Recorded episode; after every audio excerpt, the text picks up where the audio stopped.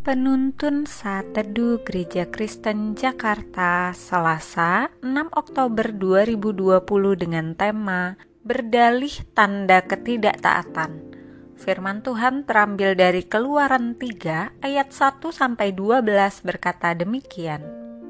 Adapun Musa ia biasa mengembalakan kambing domba Yitro mertuanya imam di Midian Sekali ketika ia mengiring kambing domba itu ke seberang padang gurun, sampailah ia ke gunung Allah yakni gunung Horeb.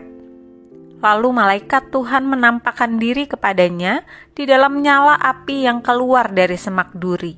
Lalu ia melihat dan tampaklah semak duri itu menyala tetapi tidak dimakan api. Musa berkata, baiklah aku menyimpang ke sana untuk memeriksa penglihatan yang hebat itu. Mengapakah tidak terbakar semak duri itu?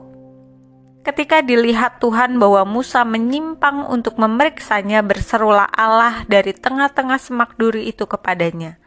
Musa, Musa, dan ia menjawab, Ya Allah. Lalu ia berfirman, Janganlah datang dekat-dekat Tanggalkanlah kasutmu dari kakimu, sebab tempat di mana engkau berdiri itu adalah tanah yang kudus. Lagi ia berfirman, Akulah Allah ayahmu, Allah Abraham, Allah Ishak dan Allah Yakub. Lalu Musa menutupi mukanya sebab ia takut memandang Allah.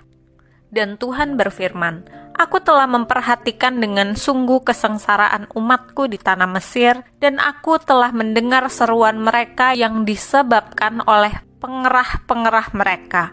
Ya, aku mengetahui penderitaan mereka. Sebab itu aku telah turun untuk melepaskan mereka dari tangan orang Mesir dan menuntun mereka keluar dari negeri itu ke suatu negeri yang baik dan luas, suatu negeri yang berlimpah-limpah susu dan madunya, ke tempat orang Kanaan, orang Het, orang Amori, orang Feris, orang Hewi, dan orang Yebus sekarang seruan orang Israel telah sampai kepadaku, juga telah kulihat betapa kerasnya orang Mesir menindas mereka. Jadi sekarang pergilah, aku mengutus engkau kepada Firaun untuk membawa umatku orang Israel keluar dari Mesir. Tetapi Musa berkata kepada Allah, "Siapakah aku ini?" Maka aku yang akan menghadap Firaun dan membawa orang Israel keluar dari Mesir.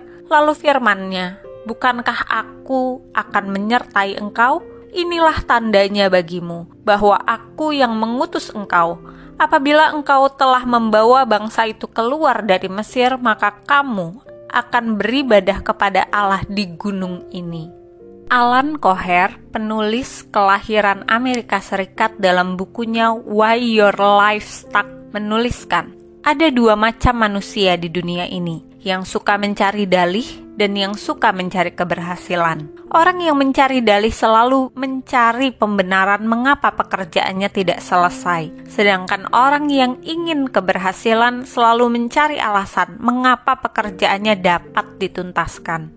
Sikap suka berdalih adalah tanda awal ketidaktaatan. Empat kali Musa berdalih, ia menolak menaati Tuhan. Alasannya yang pertama, ia merasa bukan siapa-siapa dan tidak punya kapasitas. Kedua, ia merasa takut ditolak.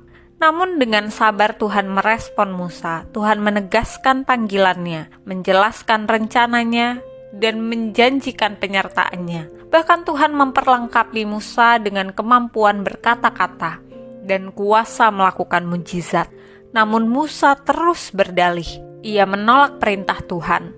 Akhirnya, ini membuat Tuhan murka. Bahkan kemudian Tuhan ingin menghukum Musa karena sikapnya. Tuhan tidak terganggu dengan keterbatasan dan kelemahan Musa, tetapi ia marah atas ketidaktaatan Musa.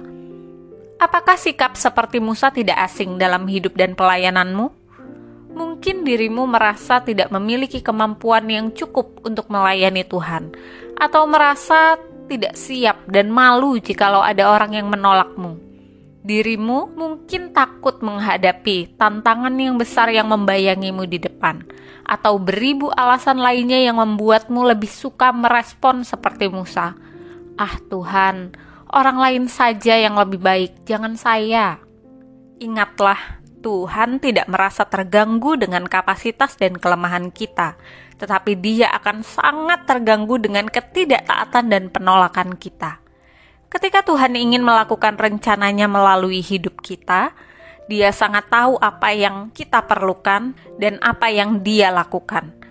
Tuhan tidak mungkin salah pilih. Tuhan pasti menyertai kita dengan apa yang kita butuhkan untuk melakukan kehendaknya. Oleh sebab itu, melalui perenungan hari ini kita bersama-sama belajar sikap taat menyenangkan hati Tuhan dan berbuah berkat.